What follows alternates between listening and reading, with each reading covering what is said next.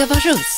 God förmiddag kära lyssnare och än en gång mycket varmt välkomna till mitt direktsända relationsprogram. Idag ska vi prata om hur det var att vara gay, bög eller homosexuell under 70, 80, 90-talet. Jag har nämligen en väldigt kär och när vän här, Stig som gäst. Hej Stig, välkommen. Hej, tack så Hur känns det att vara här i studion med mig? Ja, lite småpirrigt. Lite småpirrigt, men det ska det vara. Då skärper man till sig lite extra mycket. Du, eh, du är 74 år ung, eh, ser extremt mycket yngre ut än, än vad din ålder säger i alla fall. Kan du bara berätta lite kort för mig, Stig, eh, varför har man olika epitet på män som är homosexuella, gay, bög homosexuell? Är det någon skillnad vilket, vilket man benämner det som? Ja, alltså det är, egentligen är det väl samma sak, men ehm, för mig är ordet gay det är kanske lite roligare än att vara homosexuell. Då. Och vad menar du med roligare? Liksom? Ja, det är fester. Okej, lite, lite, lite Li- på. lite så, eller- medan eh, homosexuell kanske är lite mera um, läkarbeteckning på det. Okej, okej. Och eh, bög är väl kanske det ordet som man, eh, dels är det ju då en ren manlig beteckning. Mm. Och eh, förr var det ett riktigt skällsord och Mm. nu så använder man det, vi alla använder det ordet i alla fall för att liksom ta bort den där skällsbeteckningen. Okej, så vilket föredrar du? Att Ja, jag tycker oftast gay gay, gay är trevligt, det är lite mer fart och fläkt. Li- Lite mer fart. ja. Du, eh, du har ju också följt, som säkert många, många har gjort, gjort här i Sverige, den här serien av Jonas Gardell som hade sitt sista avsnitt här i måndag som Torka inga tårar utan handskar. Berätta vad det väckte för tankar och känslor hos Ja, dig, Stig. det, det var ju en fantastisk serie. Och eh, för mig så, som var med väldigt mycket på den tiden så det var som att föras tillbaka tiden. Man slungas nästan tillbaka Man tiden. slungas Mm. tillbaka och eh, så tänker man sig, har det gått 20 år? Det är inte klokt. Mm. Eh, och eh, jag har ju väldigt mycket, hade ju mycket sorg på den tiden. Var det så som det skildras i serien, att det var Ja. begravningar som man gick Ja. på ständigt? För det, var, Ja. det är så det skildras alltså. Oh, ja. ja. Jag var ju säkert på eh, 20-30 begravningar. Och, eh, och, och flera utav andra begravningar var utav väldigt nära vänner också. Så att, Mm. Men eh, det var ju också tider som var positivt i all den här sorgen. Det var, det var inte bara elände. Berätta vad som var positivt, vad som var Nej, men, eh, styrkan om man säger så på den tiden. Även kanske idag, men just då om vi pratar om tv-serien. Ja, jag, jag kommer ihåg faktiskt, eh, man hörde talas om, den här sjukdomen började i San Francisco en gång i tiden. Där- där- vet man ungefär när Stig, vilka år vi pratar om då? Ja, det är tidigt 80-tal, Mm. väldigt tidigt 80-tal. Och eh, jag tror jag hörde talas om det första gången 83, 84. När eh, vi faktiskt hörde på bilradion eh, resa hem ifrån en riktigt stor gayfest i Hamburg. som jag varit på. Så hörde ni då, vad sa de i radion Ja, då? då, då? berättade de om, om en sjukdom som tydligen bara härjade bland de homosexuella i just San Francisco. Och eh, det lät ju lite konstigt då, men ehm, Minns du hur du tänkte och då, då, när du hörde det här på radion? ja, vi tyckte bara förskräckligt sorgligt och, och, och synd om dem där borta. Vi hade nyligen varit i San Francisco dessutom. Jaså. Så att, eh, Led du i någon relation då eller? ja. Mm. Jag ledde en relation då i 27 år. Och eh, min dåvarande sambo han dog 92 i aids. Oj. Så att han var med dig i bilen så när ni satt och hörde Ja, nyheten från ja. San Francisco att det kom en dödlig sjukdom. Ja. Men ni tänkte inte på att den skulle kunna drabba svenskar? Nej, och absolut inte oss på något sätt. Eh, Så att ehm, man pratar nog lite grann om det där, men så började oron att sprida sig i Stockholm. Hur, hur, hur, vad pratar man för år då? Samma år eller året åt- efter? eller? 83, kanske 84, Mm. jag kommer inte ihåg riktigt. Och ehm, sen så startade de på Södersjukhuset, eh, något som heter Venhälsan. Och eh, dit uppmanades, uppmanades man att gå och testa sig. Och, och så gjorde vi det. Mm. Och du har inte drabbats av hiv, aids? nej. Men din partner, vad hette han? Peter. Peter. När fick han besked och hur fick han besked om det? Eh, ja, vi var iväg och tog, det var en slags pricktest man tog på den tiden på armarna och sen skulle man komma tillbaka, det skulle mätas. Det var lite grann som... Nästan som allergitest Ja, alltså. Jaha, för det är ju pricktest tänker jag. Ja, ja, precis. Och så eh, var vi där, då, då vet jag att Peter hade ett väldigt stort utslag. Och vi var väl lite oroliga för det där, vad det kunde vara. Eh, och sen- det som ett sår? För man såg ju den här unga pojken Rasmus när Mm. han hade ett- nästan sex första gången med en man, den okänd man i den här tv-serien, att han hade ett stort sår på ryggen, eller hur? Alltså, Ja, just det. det. Var det så det såg ut, eller började, eller hur?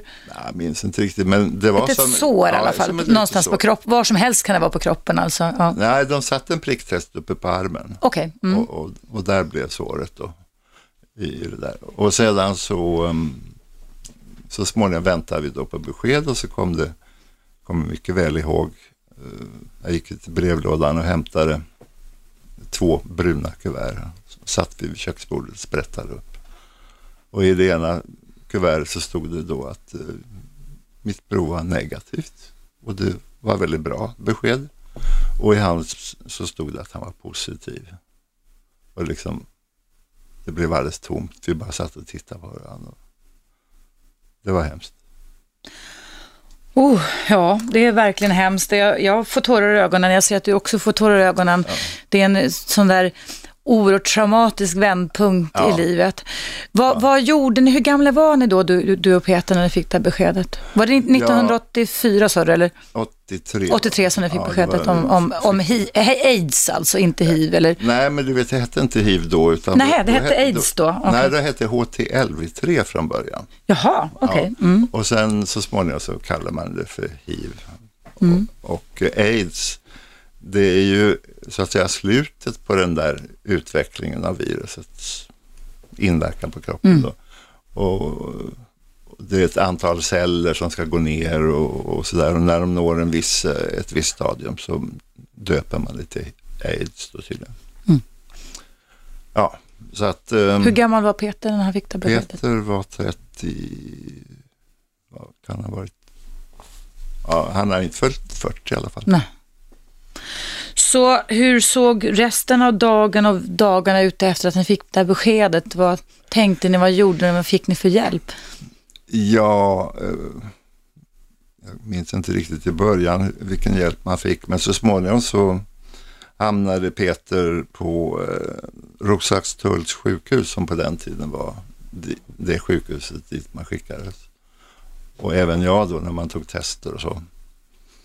Eh, och och, ehm, och där fanns det väldigt bra personal som ställde upp och, och hjälpte till. Men det var innan han blev jättesjuk. Alltså Ja, det här var oh som ja, ett var alltså att under, under de här åren han kunde fungera i livet eller jobbet Ja. kanske också då. Ja. Alltså vissa som blev smittade, de utvecklar sjukdomen ganska fort. Kanske inom ett år. Sådär. Medan andra kunde dra på det ganska länge. Och, men då fanns det inte bromsmediciner Nej. som det finns. Det fanns Nej. ingenting som kunde stoppa Nej. farsoten om man säger så, eller epidemin. Nej, man visste att alla som hade Ja. fått eh, den här... Men du, eh, eh, det, det är också intressant tänker jag, att, att så var det också i den här filmen att Rasmus var smittad med benen, men nej, han fick det också, men han kunde klara sig, eller hur? Ja, med bromsmediciner. Men du blev inte smittad alls, Nej. fast ni hade haft oskyddat sex utan att veta om att Ja. Epidemin från San Francisco skulle kunna drabba Ja, er. nej, Ja. Man, alltså, man visste ju ingenting på den Nej, tiden. nej. Och då hade vi ju inte iPhone och iPad och, Nej, och, och nej, Eh, internet på samma sätt heller. Internet började komma då med stora IBM-datorer, minns du det? Ja, Jät, det. jättehus liksom, men inte så. Eh, jag tänkte vi ska fortsätta prata efter pausen med dig Stig och vi ska säga också till lyssnarna att jag har med mig Stig som är gay, är 74 år, ung, pigg man eh, som eh, har jobbat som lärare och jo- jobbat också med barn i hela ditt liv och som också minns både det oerhört, oerhört sorgliga under den här tiden som Jonas Gardell skildrar i den här fantastiska serien Tor- Torka inga tår utan handskar. Och du stiger med mig ända fram till klockan 12 idag. Ja. Och jag tänkte att ni som lyssnar, ni kan börja ringa in. Vi ska prata en liten stund till, jag och Stig, själva här. Och, men om ungefär en kvart, 20 minuter så kommer jag öppna slussen och då är numret in 0200 11 12 13. Det vet ni redan. 0200 11 12 13.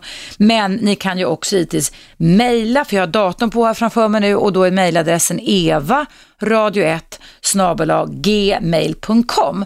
Och det handlar alltså om eh, eh, att vara gay och hur man hanterade både glädje och sorg på 80-talet, men även nu kan man väl säga Stig. Ja. Eller hur? Ja. ja. Så ni är välkomna in och ni ska fortsätta lyssna på mig och Stig, men nu tar vi en liten paus.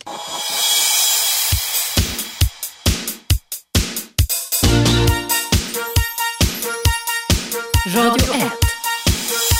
Eva Russ. Hej och än en gång varmt välkomna tillbaka. Idag så pratar vi om hur det var att vara gay, homosexuell eller bög på 80-talet men även nu. Och jag har en gäst med mig här, Stig. Hej Stig, hur känns det bra att vara här i radion med mig? Jo, jättefint. Ja, Du var med på, kan man säga, det, det sorgliga och även då glada 80-talet. Ja. Du har dessvärre också varit med om en högst personlig förlust av din partner Peter. Ja. Som ni, ni var ett par i hela 27 år. Ja, just det. Och du berättade innan pausen att han fick beskedet om att han hade, det kallades inte aids på den tiden, säg en gång till vad det hette då, det hette? HTLV3. HTLV3 hette det. Jag kommer inte ihåg vad för, förkortningen Nej, nej. Mm. Och, och eh, ni fick, ni satt handlingsförlamade, du var osmittad och han var smittad 1983. Eh, och men så småningom så, så, fick ni någon form av stöd. Du nämnde innan pausen här Roslagstulls sjukhus och Venhälsan. Ja. Kan du berätta lite mer om vad det är för typ av stöd ni fick på den tiden? För jag tänker psykologi och vårdinsatser har ju förändrats väldigt mycket ja. på 30 års tid. Alltså. Mm. Jo, när man tänker på idag när folk uh, tar sina tester så uh, är det alltid en läkare med när de får svaren. Mm. Och då skickades det bara hem på posten. Man fick det i ett kuvert? Man fick mm. det i ett kuvert. Och så fick man sitta där själv med alla frågor mm. som liksom virvlar i huvudet naturligtvis. Och också kan jag tänka mig Stig, också den skam, mm. för det var här var väldigt skambelagt, oh, eller hur? Visst, alltså, visst. Det, det, det, hade ju redan börjat gå rykten om att det var bögpesten som härjade i, i Sverige. Det var som man kallar det, bögpesten. Bögpesten. Jag kan berätta för dig att, att när jag såg den här tv-serien Torka inga tårar utan, utan handskar, jag tänkte på Benjamin där, en av huvudrollsinnehavarna som kom från Jehovas vittnen tror jag, ja, så hade jag faktiskt i, på mitt landställe i Dalarna inte släktingar, men nära släktingar som var, var Jehovas vittnen. Och jag kommer ihåg då, för jag var uppe där eh, när mina barn var små, eller jag har varit mycket där uppe i alla fall. Då kommer jag ihåg att, att en man där, Gunnar, att han eh, på allvar menade att man skulle bunta ihop alla homosexuella som man gjorde i Nazityskland med judarna ja. Ja. och skjuta ner dem och gräva Han stod och sa så mitt på dagen alltså om den här, för vi bodde, jag har alltid bott i Stockholm, ja. något så fruktansvärt. Har, har, du, har du hört sådana saker under den här perioden också? Om... Jo, det skrevs i tidningar också. Jag, tror det var något, någon särskild villa i, i eh, Danderyds sjukhus som skulle inrättas för sjuka och, och sen skulle väl alla bögarna flyttas till Gotland. Och Menar du det? Ja, att man skulle alltså var... ordna kolonier för de ja, smittade bögarna alltså? Ja, och inte bara de smittade tror jag. Alla bögar all, skulle flyttas? Alla, det var ju, alla homosexuella råkade ju ut för mer eller mindre fördomar. Det gjorde man. Oh, du, jag tänker det här med Roslagstull, vi tar då venhälsan också, och när Peter hade fått då beskedet att han var smittad, vad, vad fick han för hjälp? Och hur gick den ut? Hur, hur gick, gick själva vården eller omsorgs, omvårdnaden ut kan man säga? Ja, i början då, eh, medan han fortfarande mådde bra och bara var där och tog sina prover, mm. så, ehm, eh, så kom de till eh, Roslagstull och, och tog proverna där och då fanns alltid dels läkare och dels sjuksköterskor som var väldigt, väldigt duktiga och de satt alltid kvar och pratade med patienterna. Och frågade. Så de hade träning i empati kan man säga och sympati? Det, det hade mm. de verkligen. Och ändå så, så um, tror jag att de märkte då att behovet var väldigt stort hos många av de som var smittade att få prata ut och, och så vidare. Så då kom de på Linda Morfält som var Peters doktor, fantastisk läkare. Och eh, Kertus Sturesson som var hans sköterska. Ja, jag börjar nästan gråta när jag mm. tänker på dem. Vad, vad, eh, gjorde, de, de, vad de, gjorde de så fantastiska? De pratade då med Peter bland annat. För min Peter han var väldigt en klok kille. Liksom. Mm. Och då kom de på att de skulle bilda stödgrupper bland de som var positiva, de som var smittade där, som var deras patienter. Och så bildades då en grupp med sju killar som Peter ingick i. Och så skulle de träffas åtminstone en gång i månaden. Mm. uh, och, det är nästan lite gruppterapi kan man ja, säga, kan man säga. liknande i alla fall. Mm. Då, då, hade de ingen sjukvårdspersonal med sig, det var bara dem. Och de skulle själva då sitta och prata med varandra. Hur de mådde, hur de behandlades av samhället på sina familjer eller yrken och så vidare. Och, ehm, och så gick man laget runt mm. en och en och, och pratade. Och sedan så besökte man hemma hos varandra. Då. Men, de men det var de smittade, du var inte med utan det var din partner jo, som alltså, var med där eller? Från början så var jag ju inte med. Men sen den gången vi skulle komma hem till mig så föreslog de själva att jag skulle vara med. För att de hade ju i de här samtalen hört vilken betydelse som jag tydligen spelar för Peter. Mm. Och eh, så då kom jag med där den gången och sen från och med den gången så tyckte de att jag skulle vara med vid alla tillfällen. Så jag var alltid med där i de där grupperna. Vad fint. Och det visade sig i längden att det var ju tur det. För att eh, så småningom var jag den enda överlevande i gruppen. Är det sant? Ja, alla, alla, dog. alla, dog. dog. alla dog. Och då, från början var de sju och så tillkom det tre stycken mm. under resans gång och alla dog.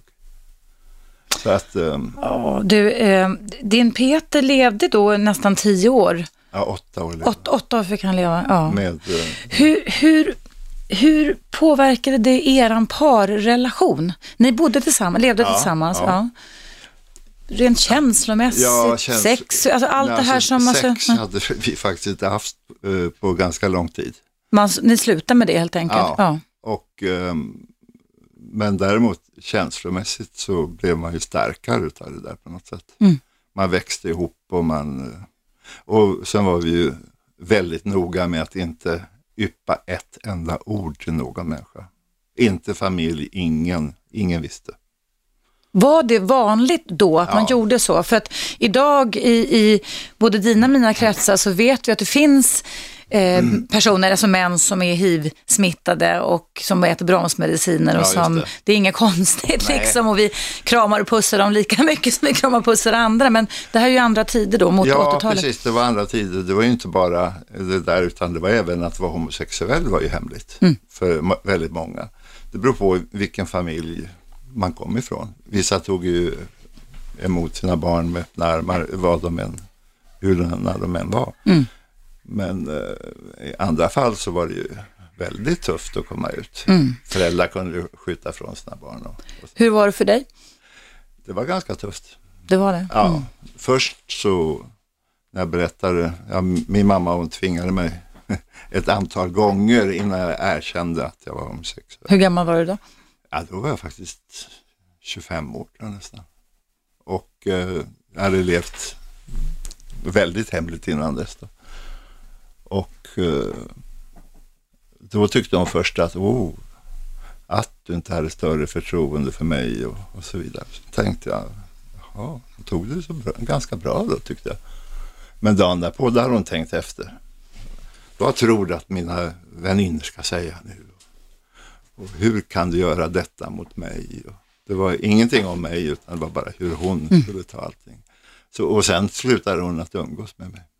I två års tid hade vi ingen kontakt. Menar du det? Det, det är som i serien där man försköt den här lilla benen livet ut, verkar ja. det som då. Hade du någon pappa närvarande Nej, också? Hon, hon, hon var frånskild. Hon var frånskild. Och hade ja. du syskon?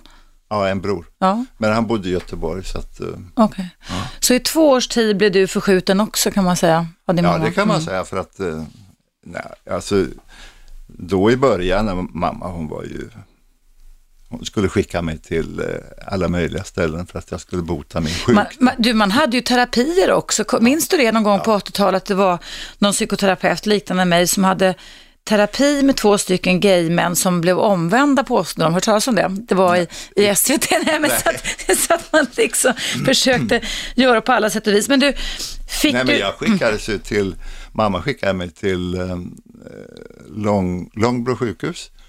Till en... Eh, det är en psykiat, det var ja, då en psykiatrisk, ja, eller mentalsjukhus hette det väl? Till Crawford? Ja. Och, eh, Johan Crawford? Kommer inte ihåg Som är professor i, ja, i, i psykiatrin? Ja, ja precis. Och eh, jag var hos honom ett, ett, antal gånger och sen sista gången så skulle mamma vara med och då hade han kommit fram till att om det var någon av oss som behövde hjälp så var det hon och inte jag. ja, då var han ju ung och radikal. Ja, det mamma. förstår jag. Så då skickades jag till kvinnokliniken på Odenplan. Till kvinnokliniken?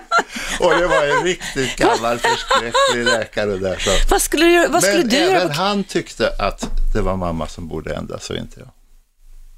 Vad fick det för betydelse för dig att de liksom, ja, tog ditt parti eller såg det här på ett annat sätt eller på ditt sätt i alla fall? Det bara stärkte mig i det, Mm. jag, i det jag tyckte. För jag, jag var säker i mig själv. Mm. Det var inget tvivel Nej. om att du var gay, utan det, Nej. det... Känner man på sig det redan som de försökte skildra den här serien från det att man är liten? Ja, Det gör man. ja, det gör man. Det är ingenting som, som många har trott att det flyger på en plötsligt, ungefär nej. som en bakterie eller Nej, någonting annat. Utan, nej.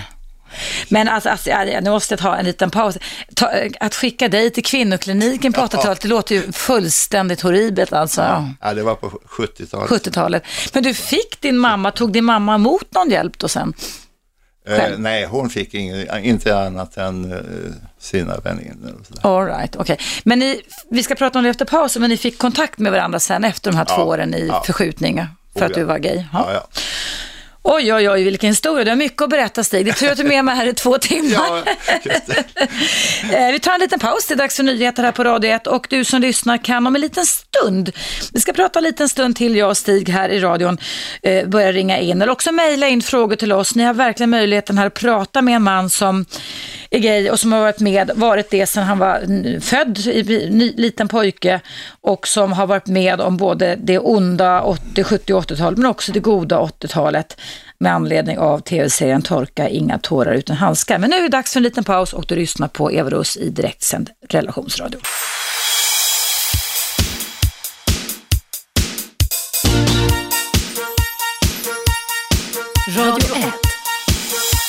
Eva Russ. Varmt välkomna tillbaka kära lyssnare. Idag i mitt direktsända relationsprogram så har jag med mig Stig här. Hej Stig, känns det fortfarande bra här? Ja, det är bra. Ja, bra.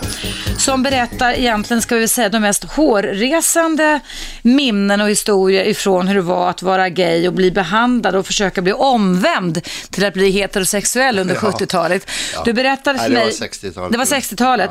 Och du är här också, inte minst med anledning av då den här Jonas Gardells hyllade serie Torka inga tårar utan handskar. Och du har sagt att du är en 74-årig ung man som har varit ung ut och du säger att du kände redan från att du var liten pojke att du var gay. Ja. Det var ingenting som flög på dig som någon Nej, bakterie eller sånt där. Men Men man ma- försökte ju att tro att det var på annat sätt, att det bara var något tillfälle. Ja, att det var något tillfälle. precis. Men du, när din mamma då eh, eh, fick reda på detta, så du berättade innan pausen, så försökte hon med olika sätt att omvända dig till att Ja. bli heterosexuell. Ja. Och du, vi slutade innan pausen och du berättade att hon du, blev remitterad till kvinnokliniken Ja, på. Sabbatsbergs sjukhus. Nej, det var Eller- på Odenplan. fanns Odenplan, ja. Läkarhuset där kanske då? Ja, eller? på läkarhuset där ja. Och då, då var det tydligen någon som hon hade fått rekommenderad att eh, han skulle vara bra. Så att... Eh, Och vad skulle, en- en läkare eller en psykiater då? Eller, eller en gynekolog? Eller vad kan det ha varit? Eller? Jag vet inte om han... Eh, han hade... Det låter som en gynekolog om man blir remitterad till kvinnokliniken. precis. alltså. Ja, jag vet inte. vad- Jag minns bara att jag kom in i det där rummet med gynstolen i ena hörnet och jag, det var bara en stol för mig att sitta på. Jag var alldeles förskräckt. Hur gammal han, var du då, då Stig? ja, 26. 26, nej men jösses. Och din mamma var med dig också då eller? Nej. Nej, du gick dit, alltså mamma var Jag inte med dig. Ja, vad skönt. Hon, var Ja. inte med, men. Men, men däremot så kom man ju fram till samma resultat som uh, ute på Långbro, att uh, det var inget fel på mig, men däremot skulle nog mamma behöva lite terapi. Gick du och förmedlade den insikten till din mamma då, Stig? Nej, nej, nej, hon sökte vidare och så hade hon hittat då, eh, någonting om att man kunde bli omvänd och botad om man hamnar i, i saltgruvor i Polen.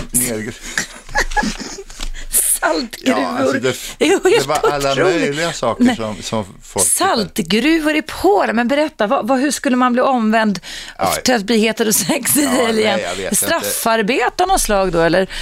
Nej, men jag vet inte vad miljön skulle vara en god påverkan Sa- Salt, på du, säger du det? Salt- saltet hade väl på- Saltet Jag skulle vet inte. påverka.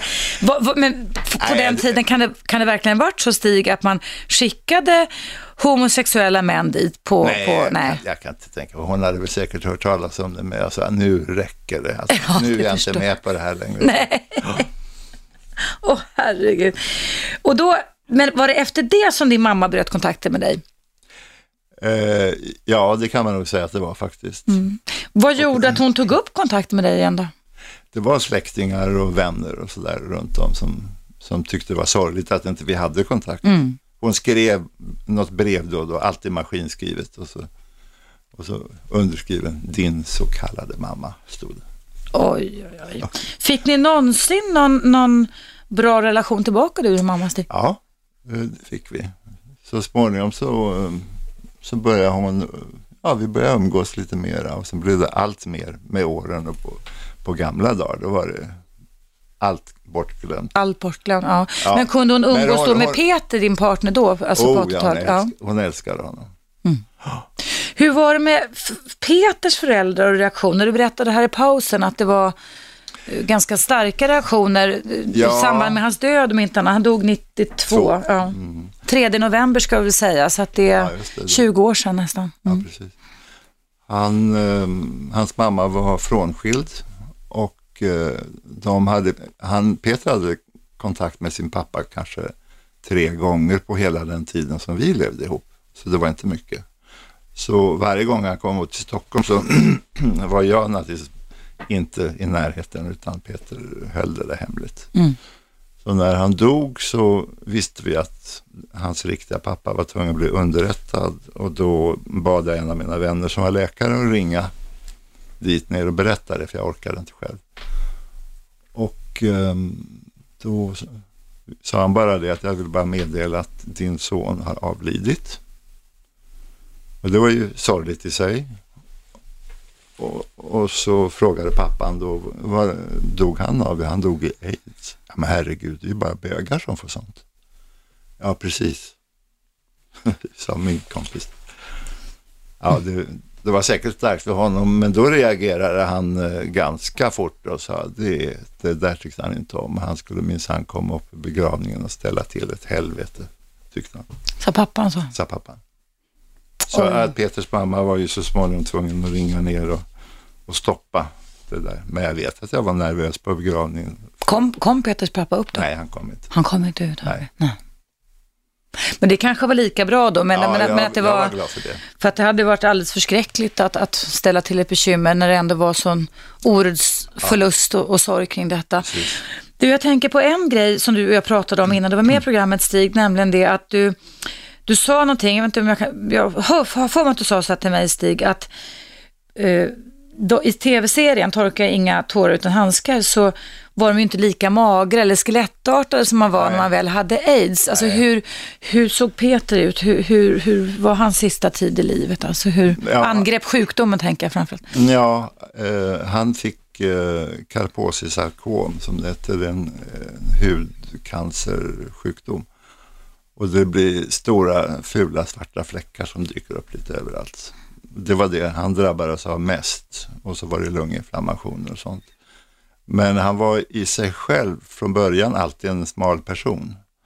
Så det var nog inte så många som tänkte på att han kanske magrade av eh, lite grann. Men i allmänhet så, alla de jag kände, de, de blev ju bara en skugga av sig själva på slutet.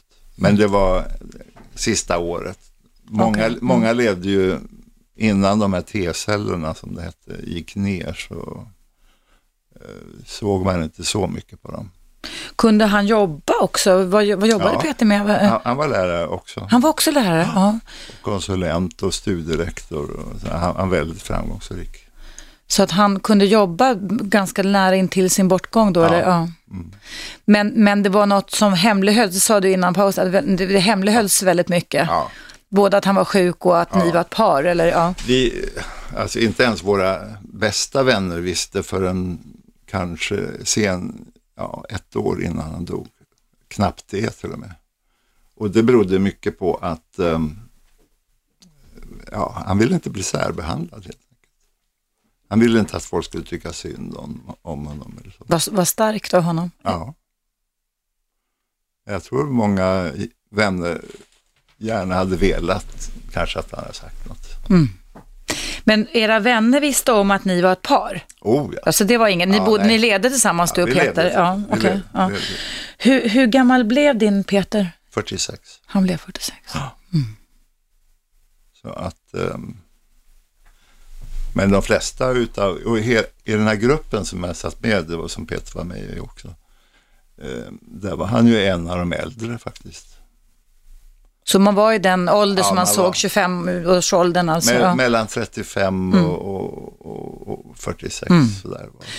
Hur, jag tänker på dödsångest som är centralt för oss människor i varierande grad.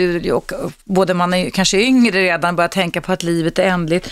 Hur har du drabbats kring det här? Hur har du tänkt att, att, att leva med det? Nu kan man ju leva med en partner som dör av andra anledningar med, vare sig man är homo eller heterosexuell, eller hur? Men vad väcker det för tankar och känslor hos dig? Att vara med på hela den här resan och se en person fullständigt taget tyna bort då? Ja, alltså jag hade ju aldrig sett en död människa innan Mm. den här sjukdomen dök upp. Och eh, knappt be besökt någon på sjukhus heller. Så för mig var det helt nytt.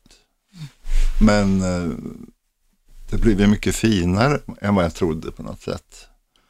Och att kunna sitta och hålla i handen samma ögonblick som en person dör, det, det var ganska fint faktiskt. Mm. Sorgligt, tårarna strömmade alltid, de bara rann. Ja, det förstår jag. Men, Mm. men, eh, Och om du nu skulle passa på att säga några ord till Peters minne, eftersom det snart är 20 år sedan han nej, ja, avled i aids. Hur var han som person? ja, det, det var en underbar människa. Stark och fin och, och vacker. Mm. Det är som, som Jonas beskrev, de, alla dessa unga vackra pojkar och det var faktiskt så. Mm. Ja, vi, vi, hade, vi bodde i ett hus med eh, stort hus med pool också faktiskt. Oj. Och där hade vi stora fester ibland. Mm.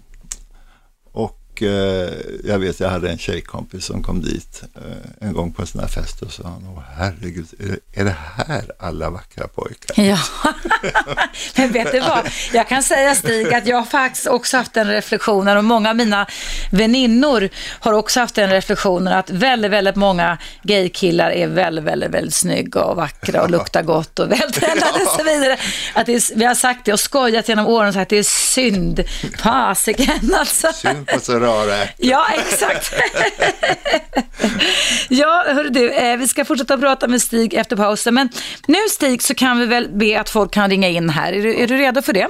Numret är 0200 11 12 13 och ställa frågor till framförallt då min gäst Stig som sitter med mig ända fram till klockan 12 och som är gay och som har varit med, eh, varit i hela sitt liv men också varit med om bra och mycket bra saker men också många dåliga saker framförallt när aids-epidemin, pestens, bögpesten spred sig över Sverige. Och numret är 0200 11 12 13.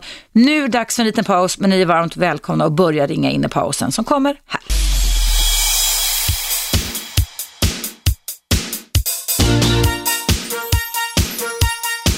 Radio 1. Eva Russ. Varmt välkomna tillbaka. Jag sitter här med Stig som kommer vara med mig ända fram till klockan 12. Pensionerad lärare kan man säga.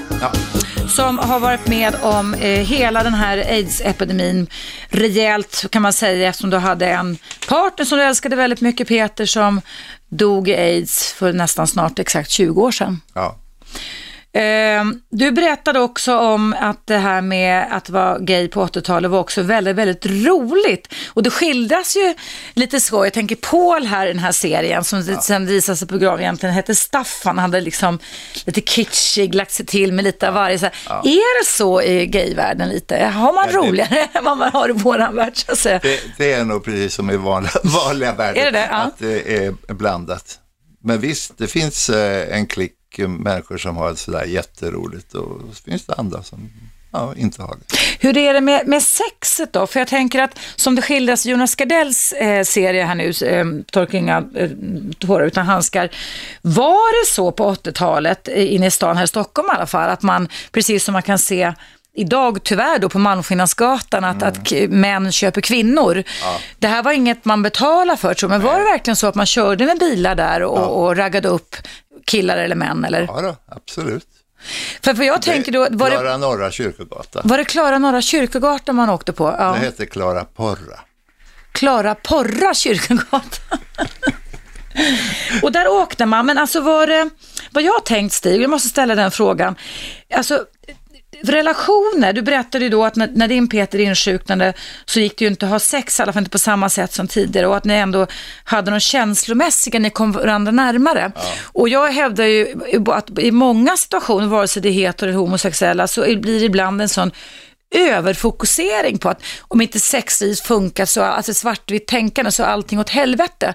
Men det verkar ju ibland, som det skildras i den här serien, som att det nästan inte var så mycket känslomässigt engagemang, utan det var mest pang på sex. Hur har det varit? Så är det någon skillnad, har du upplevt det i, i gaykretsar mot eh, andra, alltså heterosexuella relationer, eller? Jag kan ju bara gay Ja, ja det är sant. men, men, du har ju heterosexuella vänner och sånt Ja, också som kan...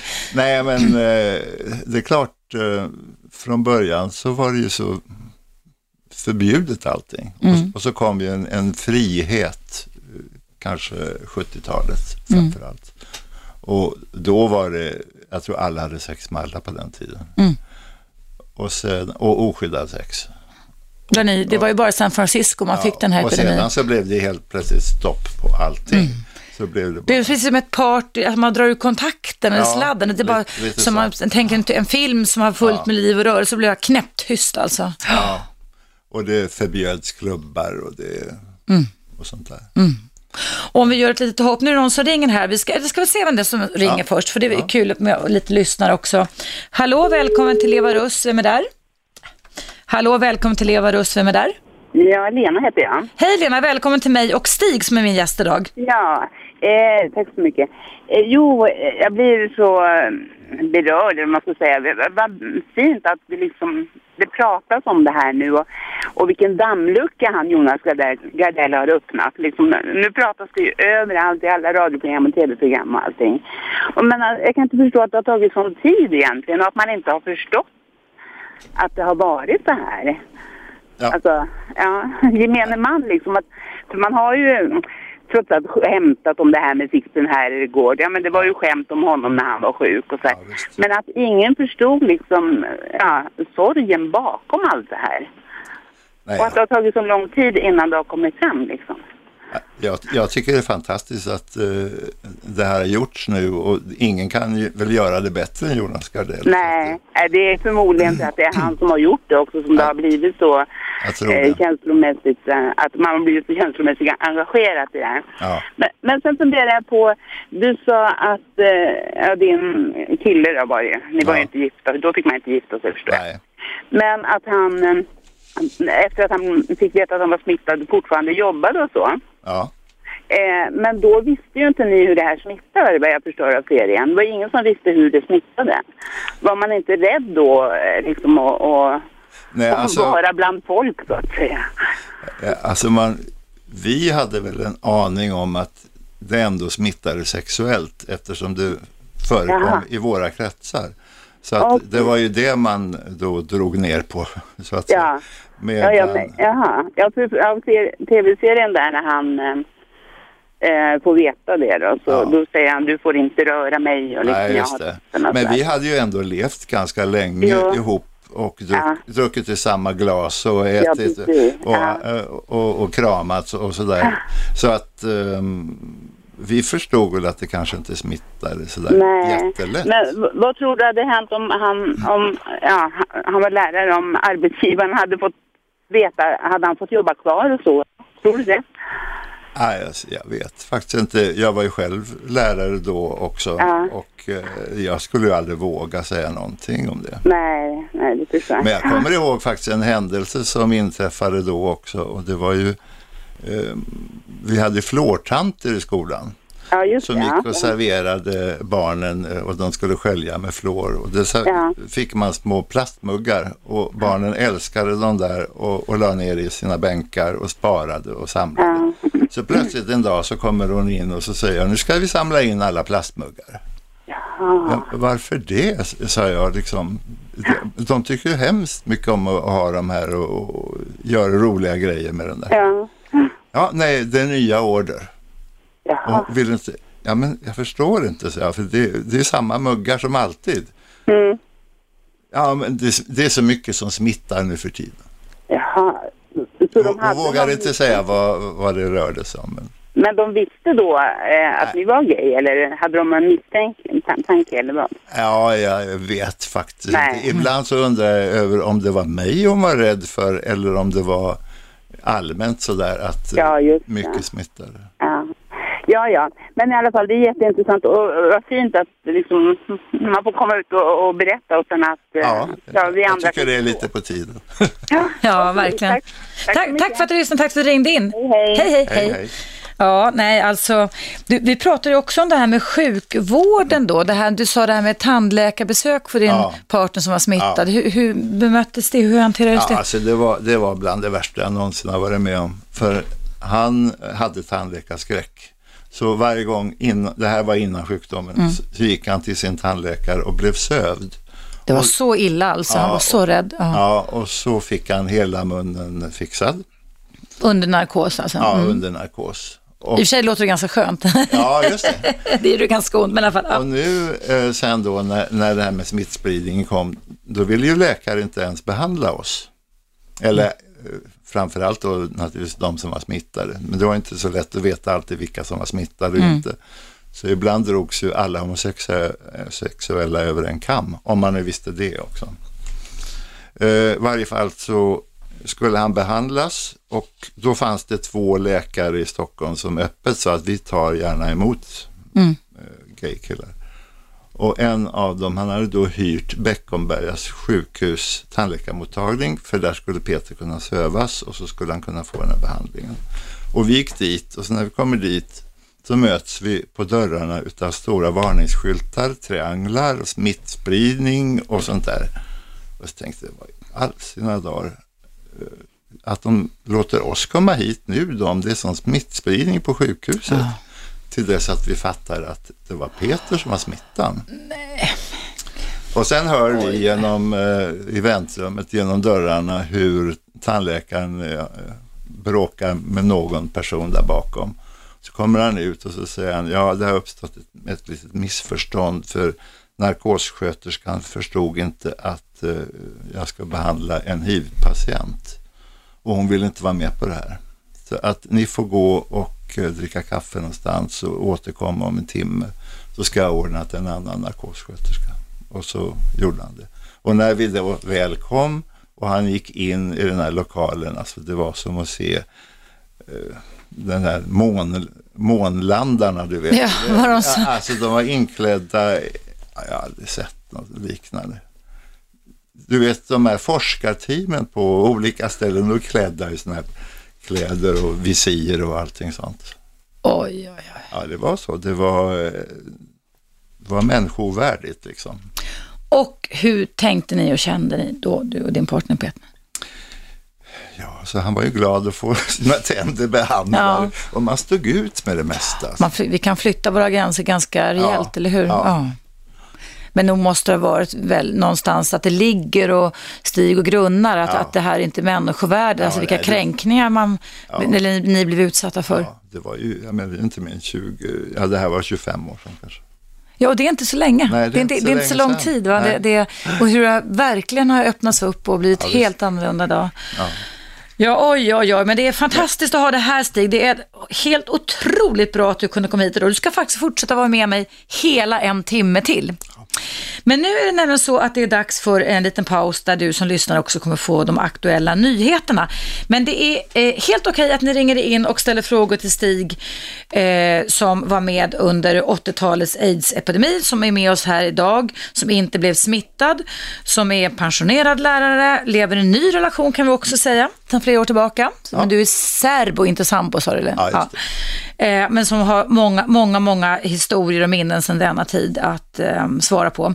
Numret är 0200 11 12 13, 0200 11 12 13 och ni kan givetvis också mejla till mig och mejladressen är evaradio1 gmail.com. Nu är det dags för en liten paus. Först alldeles strax igen.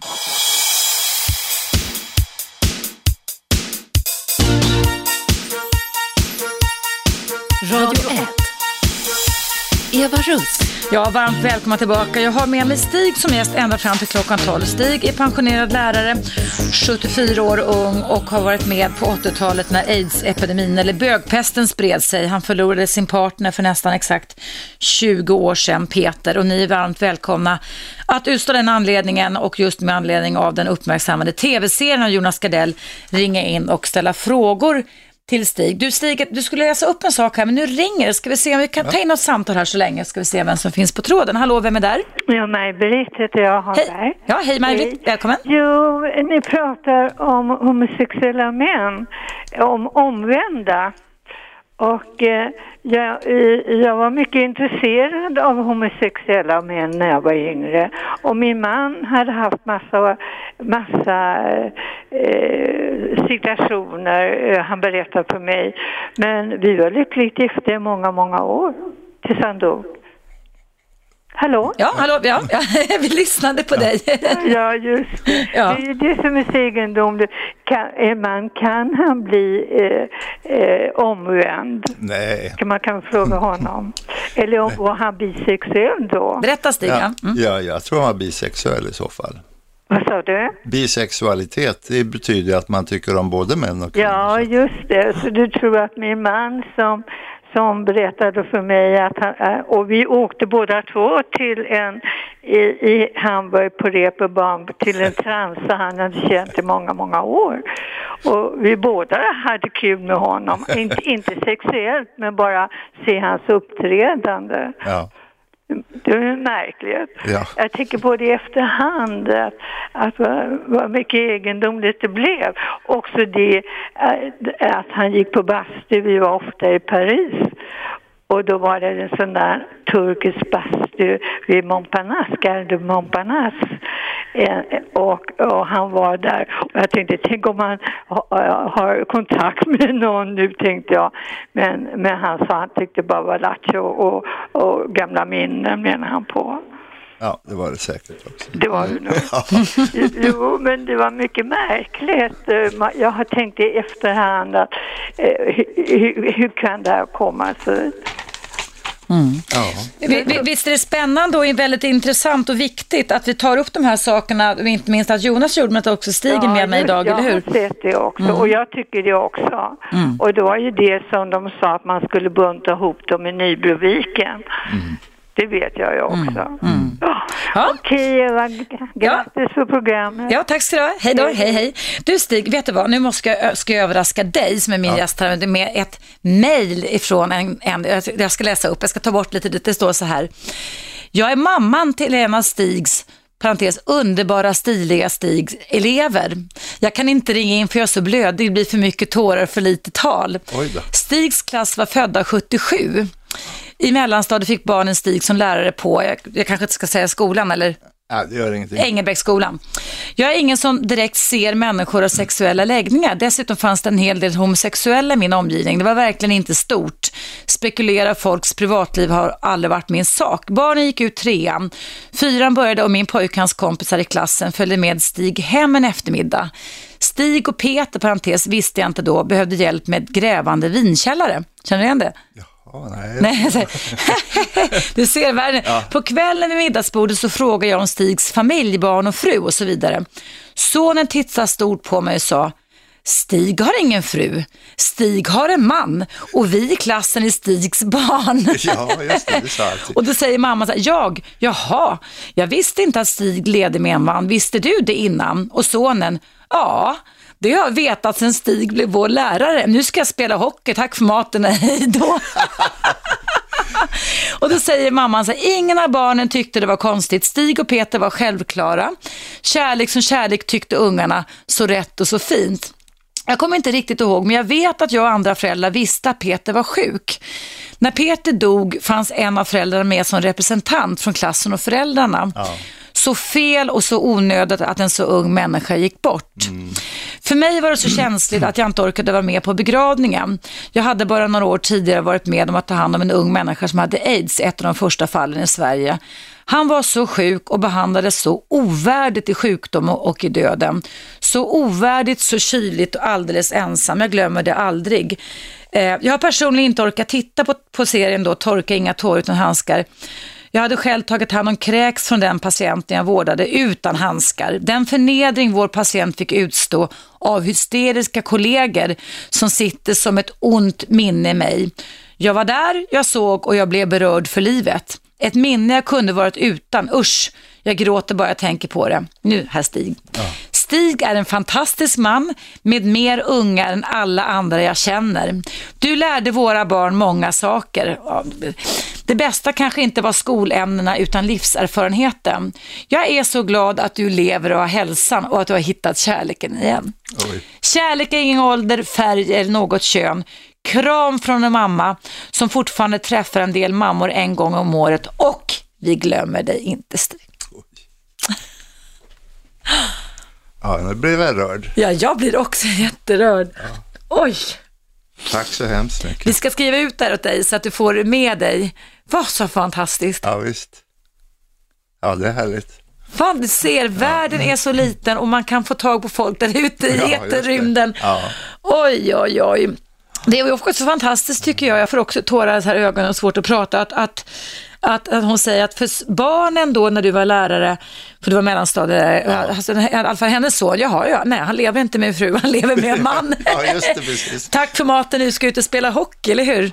Och Hade jag- du någon aning om det, Stig, att det var så? Att, att Nej, ungarna tror- nej. fattade men inte Nej. brydde sig? Nej. Nej. Och jag vet vid ett tillfälle, jag stod i matkön och så säger en av eleverna där, "Eh, har du inga barn själv? Mm. Nej, så jag, hur skulle jag orka med det? Jag har ju er, sa jag. nej, så det var, nej, det hade jag inte. Men jag kommer ihåg också, eh, jag undrar om det var just den här klassen. En mamma ringde till mig, för de visste ju att jag hade min fina pool hemma. Ja, en, en swimmingpool, det var lite Swimmingpool. ovanligt ja, också. det var faktiskt har, ja. ovanligt, men vi hade byggt ett hus.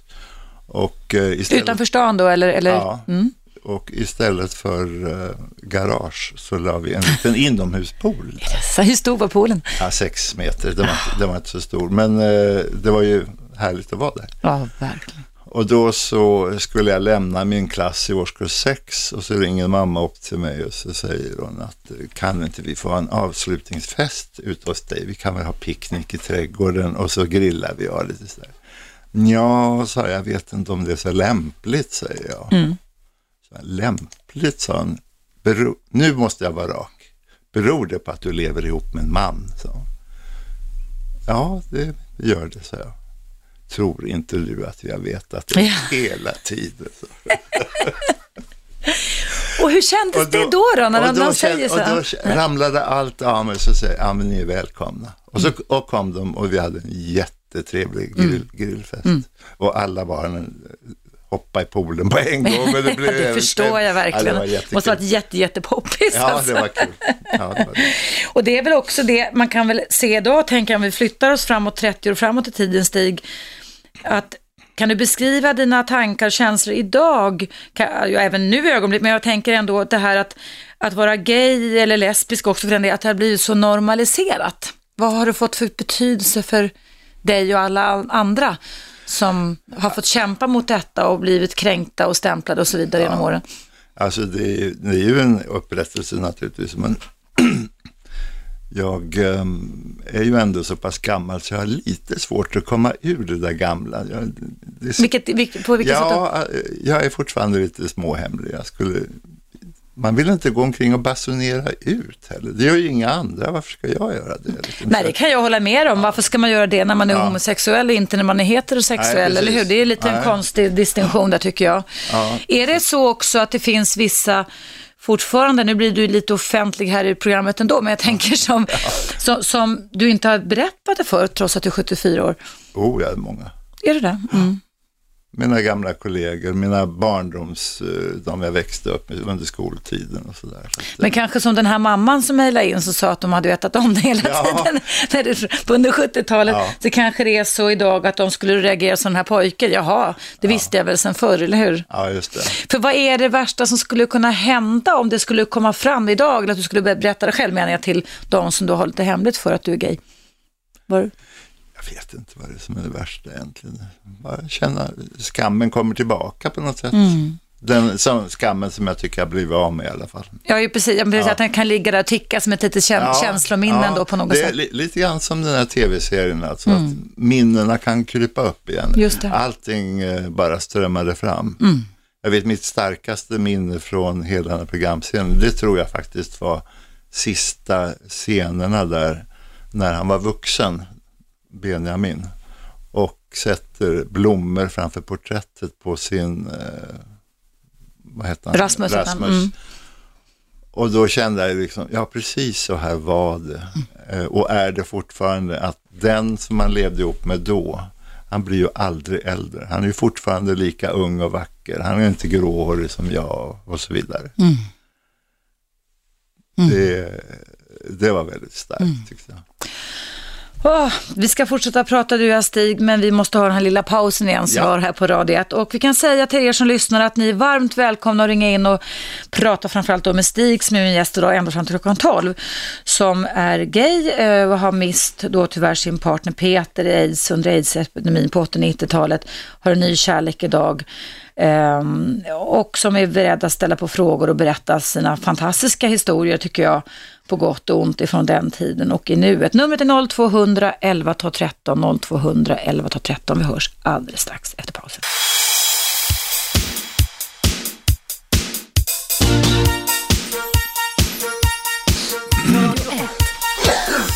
Eva Russ. Varmt välkomna tillbaka. Jag sitter här med Stig som är, ja, Stig du sa det i början av programmet, gay, bög eller homosexuell. Du föredrar att kallas för gay. Ja. Varför det? Jag tyckte det var roligare. Det var roligare. Man hade roligare som gay än som bög. Eh, Du har varit med om en personlig förlust för, ungefär, för nästan exakt 20 år sedan av din dåvarande partner Peter. Du berättade, du ville läsa upp någonting här i radion. Ja, eh, inför det här programmet så var jag hemma hos en av mina bästa vänner och eh, hans, eh, han delade eh, sommarhus tillsammans med, eh, de var fyra stycken som delade på det. Och två utav dem är borta idag. Och den ena eh, utav dem, Kurt hette han, han eh, skulle bli stomiopererad. Eh, han hade kolit och ehm, efter operationen så kom överläkaren in i hans eh, rum med 15 personer ungefär. Då var väl kandidater och, och sånt. Tittade han på journalerna och så sa han bara så där, jaha, det är du som är mm, hiv-positiv. Och- Och Kurt han bara tittar på, vad säger han för någonting?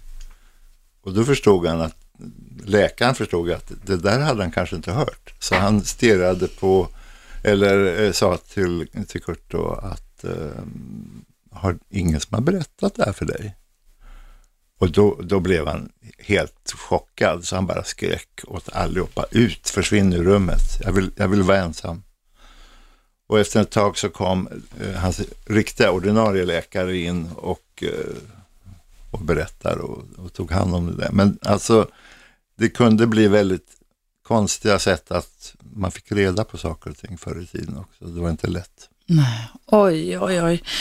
Och Kurt finns inte med oss idag Kurt heller. finns inte. Hur, hur länge fick han förmånen, på att säga, att leva? ja, han inte, levde in- till, till eh, 94. till 94. Ja. Men eh, han blev opererad en gång till sen, eh, akut opererad. Och det blev han på Karolinska. Och på Karolinska så eh, ville de ju inte operera honom först. Så de ringde till Roslagstull och bad att de skulle skriva ett intyg att det gick att operera honom, att det var ofarligt. Och eh, den läkaren på Roslagstull visste ju att sådana löften kunde man ju inte ge naturligtvis. Men eh, för att operationen skulle bli av så, så gav han det där intyget och så blev Kurt opererad och ingenting hände ju naturligtvis. Att, Du, ehm, vi ska prata lite om stödarbetet också tänkte Mm. jag, som, du har upplevt både mm, då, eller framförallt då kan man väl säga.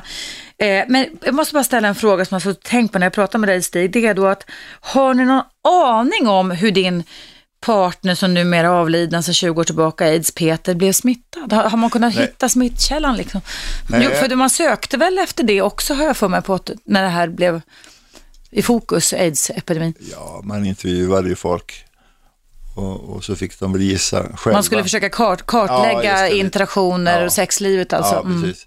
Och det vi funderade själva på det var att han vid ett tillfälle hade varit ensam över i USA. Mm. Eh, Och eh, hade väl träffat, Mm. haft eh, sex där borta.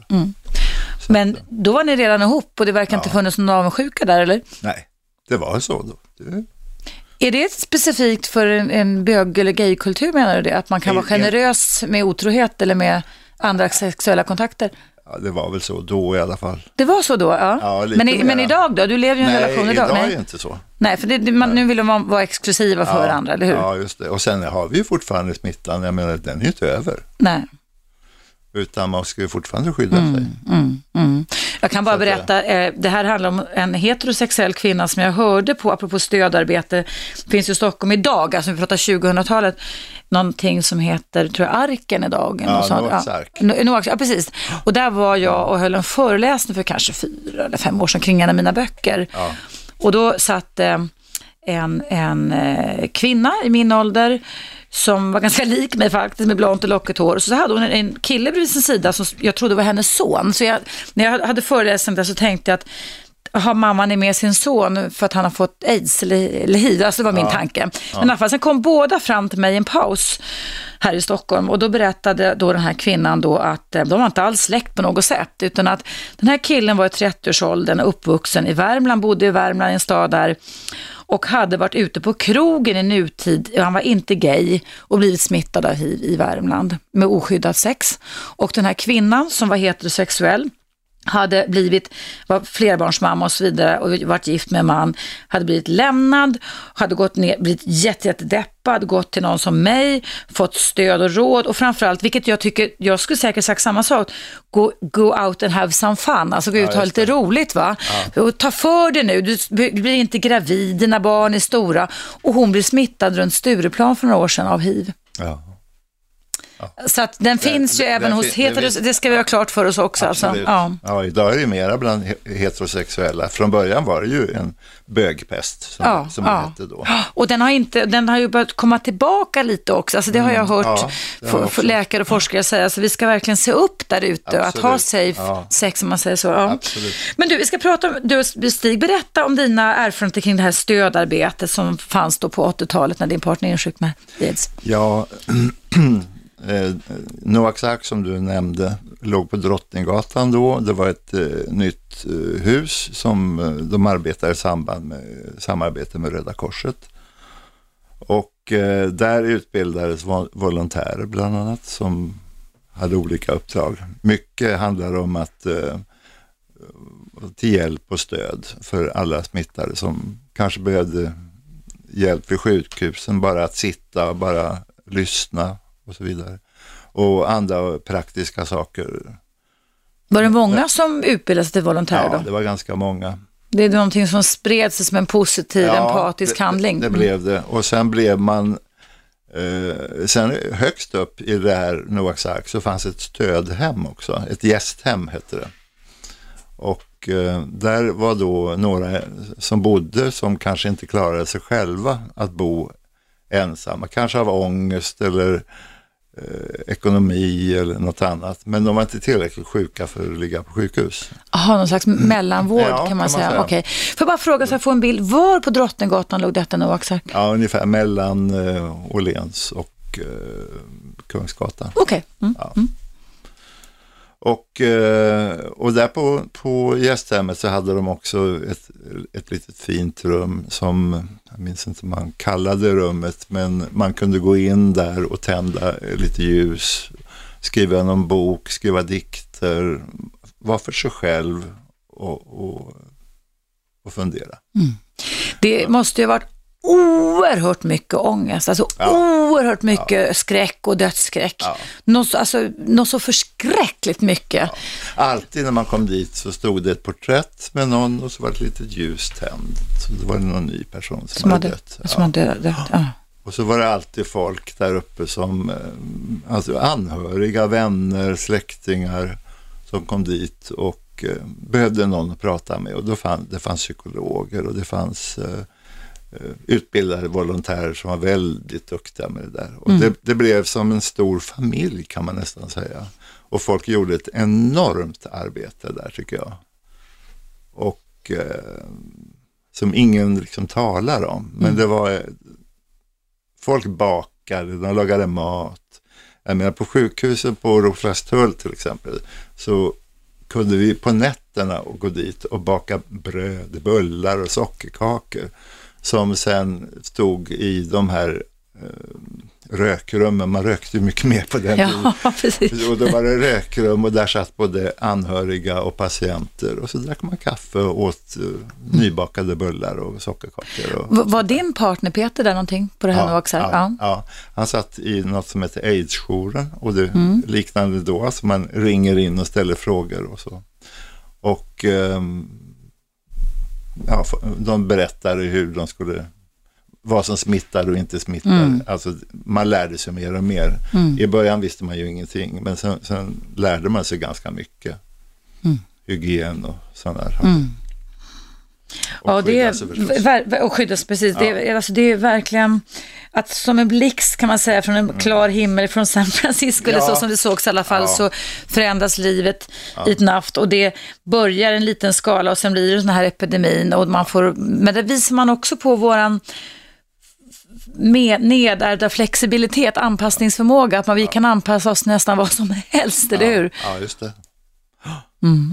Du, vi ska, ja, det är ett viktigt kapitel och det fortgår fortfarande faktiskt aids-epidemin och du och jag Stig ska fortsätta prata efter pausen men det går så himla, tiden går så himla fort så nu är det återigen dags för en liten paus Okej. med nyhet ska jag säga. Och du som lyssnar just nu jag, och kanske inte varit med från början på programmet vet att det här att det handlar om att Stig är med mig. Han är gay, har varit i hela sitt liv eh, med anledning av Jonas Gardells hyllade tv-serie Torka inga tårar utan handskar. Han har varit med på det glada och sorgsna 70, 80, 90-talet och kan besvara frågor eller kommentera sånt som du har frågor kring, kring eh, att vara gay på den tiden, vara gay nu, men också kring aids och hiv-epidemin. Numret rakt in till mig och Stig i studion är fortfarande då 0200 11 12 13. Vi hörs efter pausen.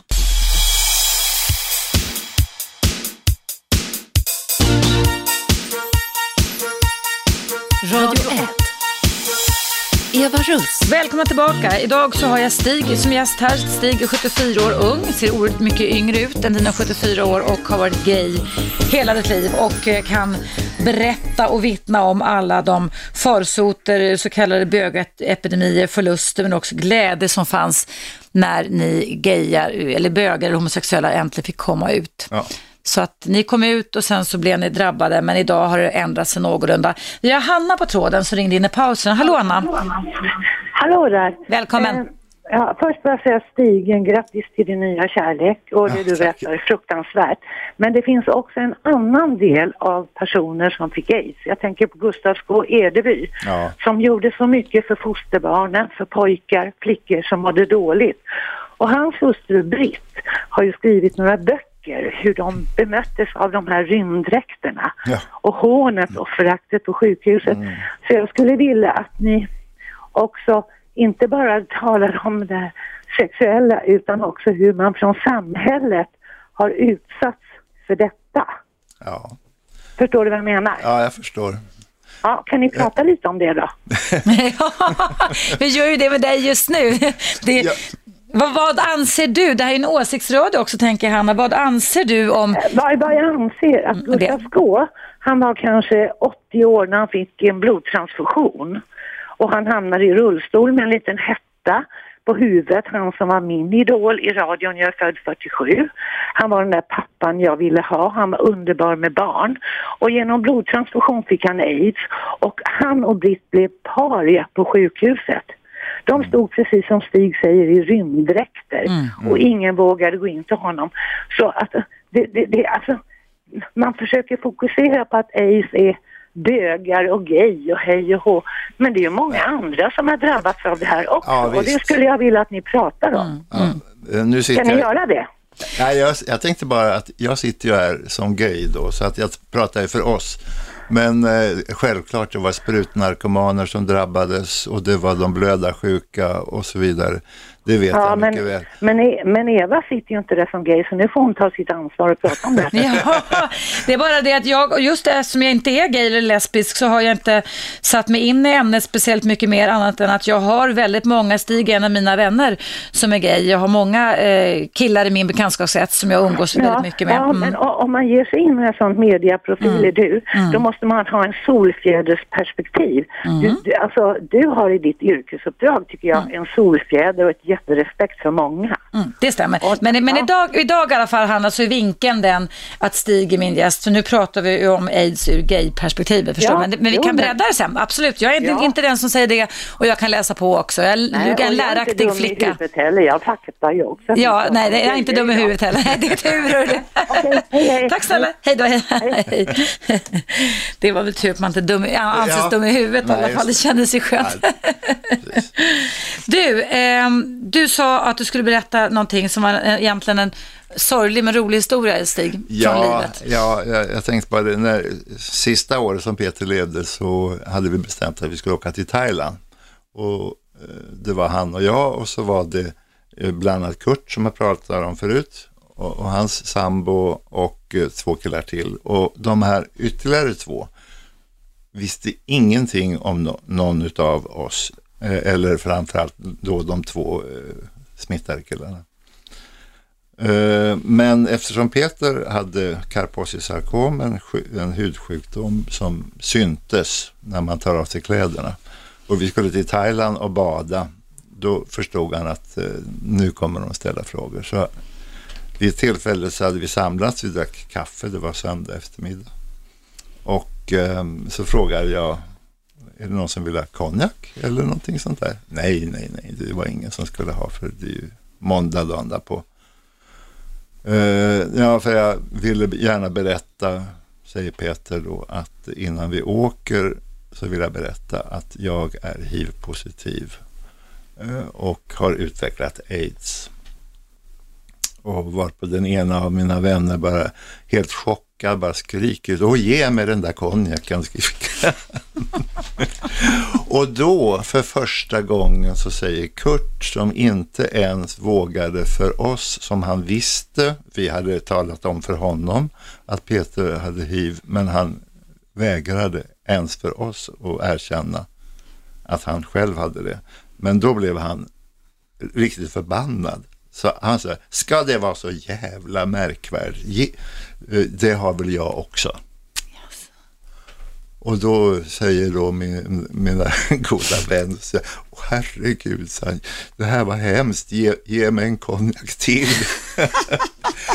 så att, eh, ja, men så pass sent var det som han berättade.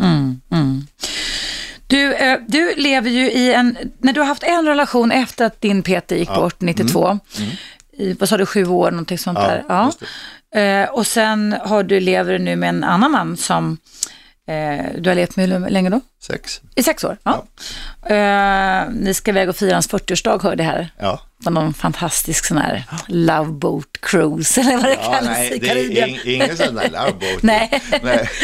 En, en vanlig kryssning. Ja, men du, jag tänkte fråga en sak. Har relationerna, sättet som man relaterar till i gayvärlden, vi var inne på det tidigare programmet Stig, det här att det ibland verkade vara så sexfixerat ibland, att, att för jag menar relationsliv, och det vet jag då från min värld, relationsvärld, forskningsvärlden, att, att, att Idag så säger man att personer som lever i homosexuella relationer och i heterosexuella parrelationer vill ha samma sak. Alltså man vill ha känslomässig närhet, känslomässig komfort och omvårdnad. Och sen är det bra att hålla igång sexlivet för det kittar ihop relationen. Men man behöver inte vara promiskuösa och man gillar inte att man är otrogna mot varandra. Va? Nej. Men tycker du att det har förändrats inom gay, bög, homosexuella världen, som jag använder alla tre, under åren på något sätt? För i Jonas Gardells film så verkar det ju vara, som du sa på den här Klara Porrgata, att man eh, hoppar på varandra, hade sex och sen så byter man partner hela tiden. Man vill inte liksom relatera till varandra egentligen, eller? Nej, man bytte väl inte partner hela tiden, men det var de som gjorde det. Och, Mm. och ganska många gjorde det. Vad var vitsen med det då egentligen, om man tänker tillbaka, att byta, att byta partner så pass ofta? Nej, det vet jag faktiskt inte. Eller hur? Alltså, alltså var det det att man var frustrerad, man fick gå omkring och trycka ner ett sexbehov, ett livsbehov, ja. så att man var tvungen att få utlopp för det på något sätt i ett belöningssystem, för sex i ett belöningssystem så att säga. Ja, men allting var ju förbjudet i stort sett för oss Mm. för, förr i tiden. Man liksom lägger locket på, då Slutet bubblar på man över till 60-talet slut. och Ja. 70-talet då dök, började det dyka upp lite klubbar i Stockholm. Mm. Fantastiska Cityklubb till exempel var ju den första stora som kom. Vad gjorde man på de hus, hus, Ja, det var ett vanligt diskotek. Men för, för gay-killar då eller? Ja, fast eh, andra var ju välkomna också, Ja. men det var ju avsett för gay. Och eh, det var ju bara jättetrevligt. Mm. Oh, vad roligt man hade. Man kände äntligen får vi vara på ett normalt ställe tyckte vi att det var. Ja, ja. Det var Och det finns det väl, nu kan, går det ut på sånt nu för tiden? nej, eller? jag, jag, jag, jag är för gammal. Ja, för det finns väl det här, jag har hört talas om Roxy, tror jag, på Sveavägen som är för tjejer också tror jag, alltså lesbiska tjejer och så, men jag är inte så jätte, jätteinsatt i det där. Du, eh, vi ska ta den här sista lilla reklampausen nu innan vi är klara, men som sagt, ni som lyssnar och som vill ställa frågor till Stig, som är min vän och gäst här idag om, om aids och eh, gay och gaykulturen kan man säga under 80, 90 och även 2000-talet. Ring in nummer till 0200 11 12 13 och vi hörs efter pausen som kommer här.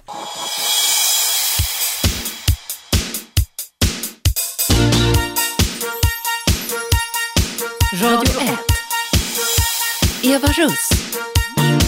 Mm. Varmt välkomna tillbaka. Det är inte så himla lång tid kvar av mitt direktsända relationsprogram. Jag har Stig med mig här som har varit gay sen du, vad sa du, sen du föddes nästan eller? Ja, det, det, är, det är man väl.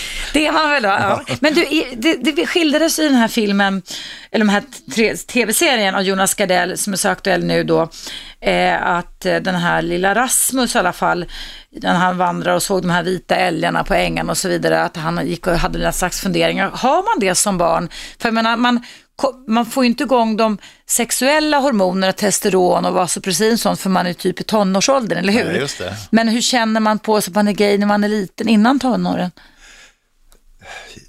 Ja, att innan tonåren, det tror jag inte kanske. Nej, det är nog inte det, Nej. utan det är väl när Ja. sexuell, sexuallivet börjar, Ja, alltså hormonerna börjar Ja. spritta kroppen, så man kan märka att, Alltså jag kan bara för min egen del Mm. eh, säga att jag minns, eh, eftersom min mamma var frånskild så fanns det ingen man hemma någon Mm. gång. Och vid ett tillfälle så eh, reste de bort och var en ung familj som, eh, som bodde hemma hos oss och tog hand om mig och min bror. Och mannen där i huset en väldigt stilig man. Och jag kommer ihåg att jag tittade på honom och tyckte Mm. att han var så himla stilig. Och dessutom hade jag aldrig någonsin förr tyckt, eh, sett en naken man. nej för det fanns ingen det, pappa det fanns eller, ingen nej. i närheten. Och, och det där fascinerade mig på något sätt. Men du kunde inte liksom integrera kunde- eller nej, sätta kunde- ord på vad nej, det var? det kunde, Nej. Mm. kunde jag inte göra, men sen förstod jag att det var lite sådär. Så att, eh, Så under din livstid så har det aldrig funnits några relationstankar kring kvinnor alltså? Nej, Det, har varit, inte det, det är bara det liksom att det, man har, precis som jag aldrig haft några relationstankar kring kvinnor heller, Nej, alltså förstår nej, Men, men jag älskar kvinnor och Ja. Mm. tycker jag umgås väldigt gärna med, med dem. tycker- Och har väldigt lätt för att umgås med kvinnor. Mm. Så att ehm, det, är inget, det är inget sånt, utan Nej. det är bara Ja, det är. Du, berätta lite reflektioner här på sluttampen av programmet eh, kring det här med aids, aids-epidemin och allt som har funnits då och nu.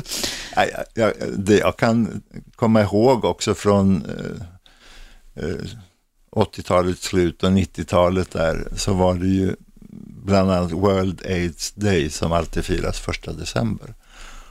Och eh, då gick man ifrån, man samlades ofta vid Noaks ark och så gick man ner till Sergels torg och så finns det en trappa där ner och den trappan fylldes med marschaller, en för varje avliden och den där liksom, den växte ju år efter år efter år. När, när började man med World AIDS Day? Ja, det minns jag inte, men det, 80-talet i alla fall? Ja, eller? 80-talet Mm. var det i alla fall. Och, eh, och när man stod där så tänkte man, herregud, är de så många? Mm. Tänkte man alltid. Och sen vet jag, um, det visades, uh, vet inte om det var på tv, tror jag, från eh, Washington, den här platsen där um, um, ja, framför där Lincoln. Ja, just det, eh, statyn, ja. Ja, mm, statyn mm. där. Där hade man eh, sytt kilt, kilts hette det. det, du vet, såna här lapptäcken med namnen på alla avlidna. Och det täckte en hel, alltså hela detta område. Alltså, man, man fattar inte av vidden av det hela. Ja, håller man på med det här fortfarande med World AIDS Day? Ja, det gör man, men, men det eh, uppmärksammas inte så mycket. Eller? Ja, det kanske inte riktigt, uh, folk, folk lever ju nu, höll jag på att säga. Ja. Det var ju det att det var alltid nya som hade dött förut. Och, det, och, man gick ju för att man ville, man sörjde. Det var, det var så tätt inpå. Nu har tiden gått lite grann. Mm. Du, du som då är en, om man får kalla det så, en överlevare från den här perioden, kunde ju faktiskt då, hur hemskt det än att säga det här, och varit död så att säga, som Ja, har fått den här visst, smittan, eller hur? Det var nästan en slags lotteri kan Ja, man säga alltså, Stig, eller? Man, man kände ju skuld att man, att man Ja, levde. det var det jag faktiskt. ville fråga. Hur tänkte du då? Jo. Hur tänker du nu kring det här? Jag kommer ihåg då när jag satt i de här stödgrupperna som, som min Peter var med i från början. Och, och där jag satt som en av deltagarna. Jag tyckte det var väldigt stort utav de här killarna. De um, skulle alltid var och en berätta hur de mådde och, och, och deras T-celler hade gått upp och ner och äh, uppgick de aldrig ner. och sen vill, ville de alltid höra hur jag mådde. Och så, ja, men jag är ju inte smittad och jag liksom håller mig utanför. Tänkte jag.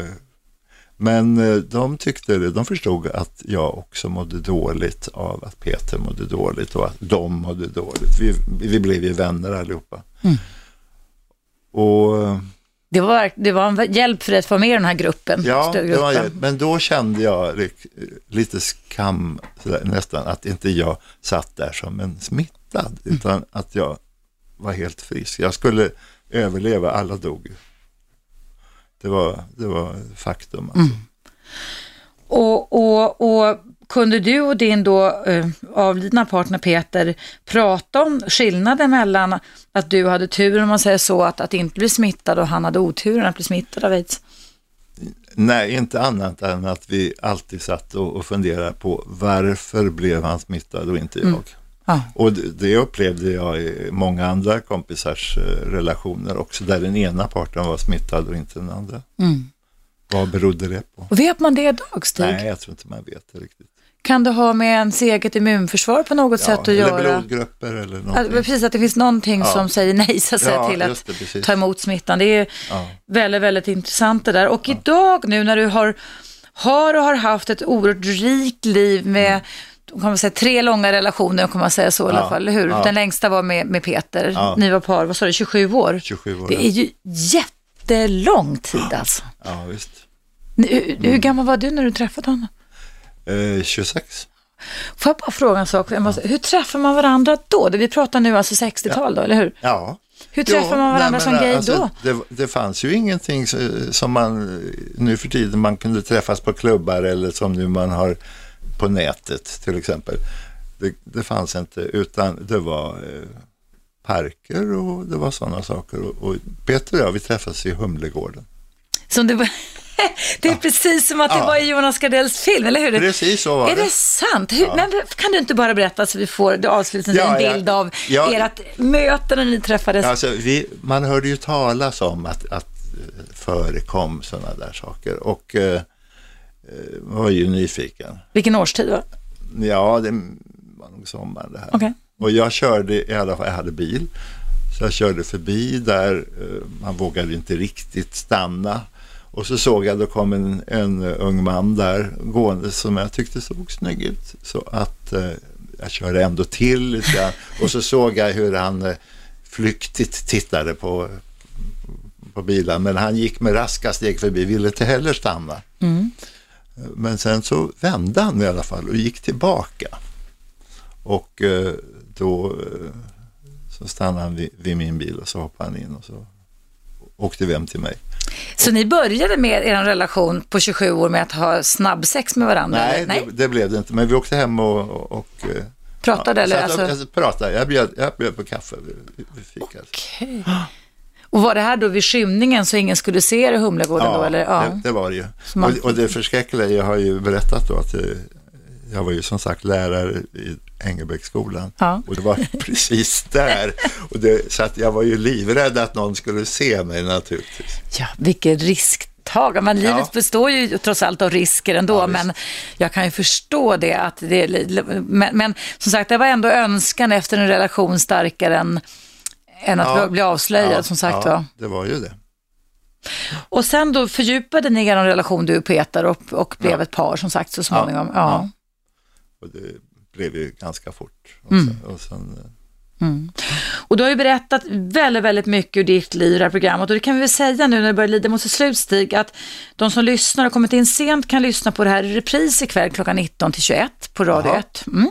Och sen om man har appen eh, Radio 1 Ny så kan man lyssna på det jämt nästan. Och man kan också gå in på webben, eh, radio1.se och där står alla mina program uppraddade så kan man bara trycka liksom på play så kan man lyssna. Och jag tror säkert också att det här programmet kommer att gå i repris Eh, hur har det känts att vara med mig här idag tycker du? ja, det var mycket bättre än vad jag trodde. jag, var, jag var pirrig. Det, det var, men det ska man ju också vara va? Ja, jag sitter med, jag slänger mig mellan tv och radio och sånt där, men jag kan ju säga att första gången jag var med i radio, jag tror faktiskt att det var nästan grannkanalen här, Riks FN, Riks Morgonzoo, alltså när Gert Fylking då, min kollega här nu Ja. var med, så var jag också jätte, jättepirrig. Men jag kan tycka fortfarande faktiskt, efter att jag var med i tv igår, att det faktiskt lättare med radio än med tv. Ja. För att här kan man se ut hur man vill och man kan röra sig hur man vill. Man behöver inte tänka på Nej, påsarna hela Nej, tiden. du, ehm, har du berättat för dina vänner, dina gayvänner att du är med i radion idag? ja, vissa. Inte. Vad bra. Då får du berätta sen att de kan gå in och lyssna på Ja, det här när som helst, Det eller kan, hur? jag det kan jag göra. För det är väldigt roligt och jag tycker att det var helt fantastiskt kul att jag kunde få med dig här. Jag vet att ni står start, ni ska ut på en fin 40-årskryssning här med din partner. Jag önskar er verkligen allt gott och hoppas verkligen också att det här programmet och allt som du har berättat verkligen gör skillnad. Jag tror att jag ska be våran Henrik som klipper ut, framförallt här du pratar om att man ska försöka omvända dig med att skicka dig till saltläger, vad sa du, Polen? Saltgru-. Saltgruvor i Polen.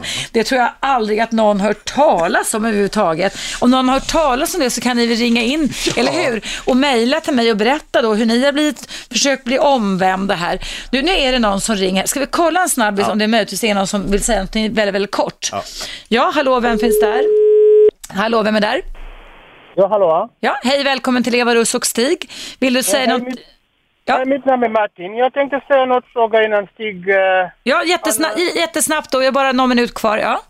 Jo, ja, det verkar vara liksom man är insatt i den här hiv-kunskap ganska mycket. Men jag läste någonstans att eh, i början av den där hiv-epidemin var någon läkare som hade något förslag att alla hiv-positiva skulle tatueras.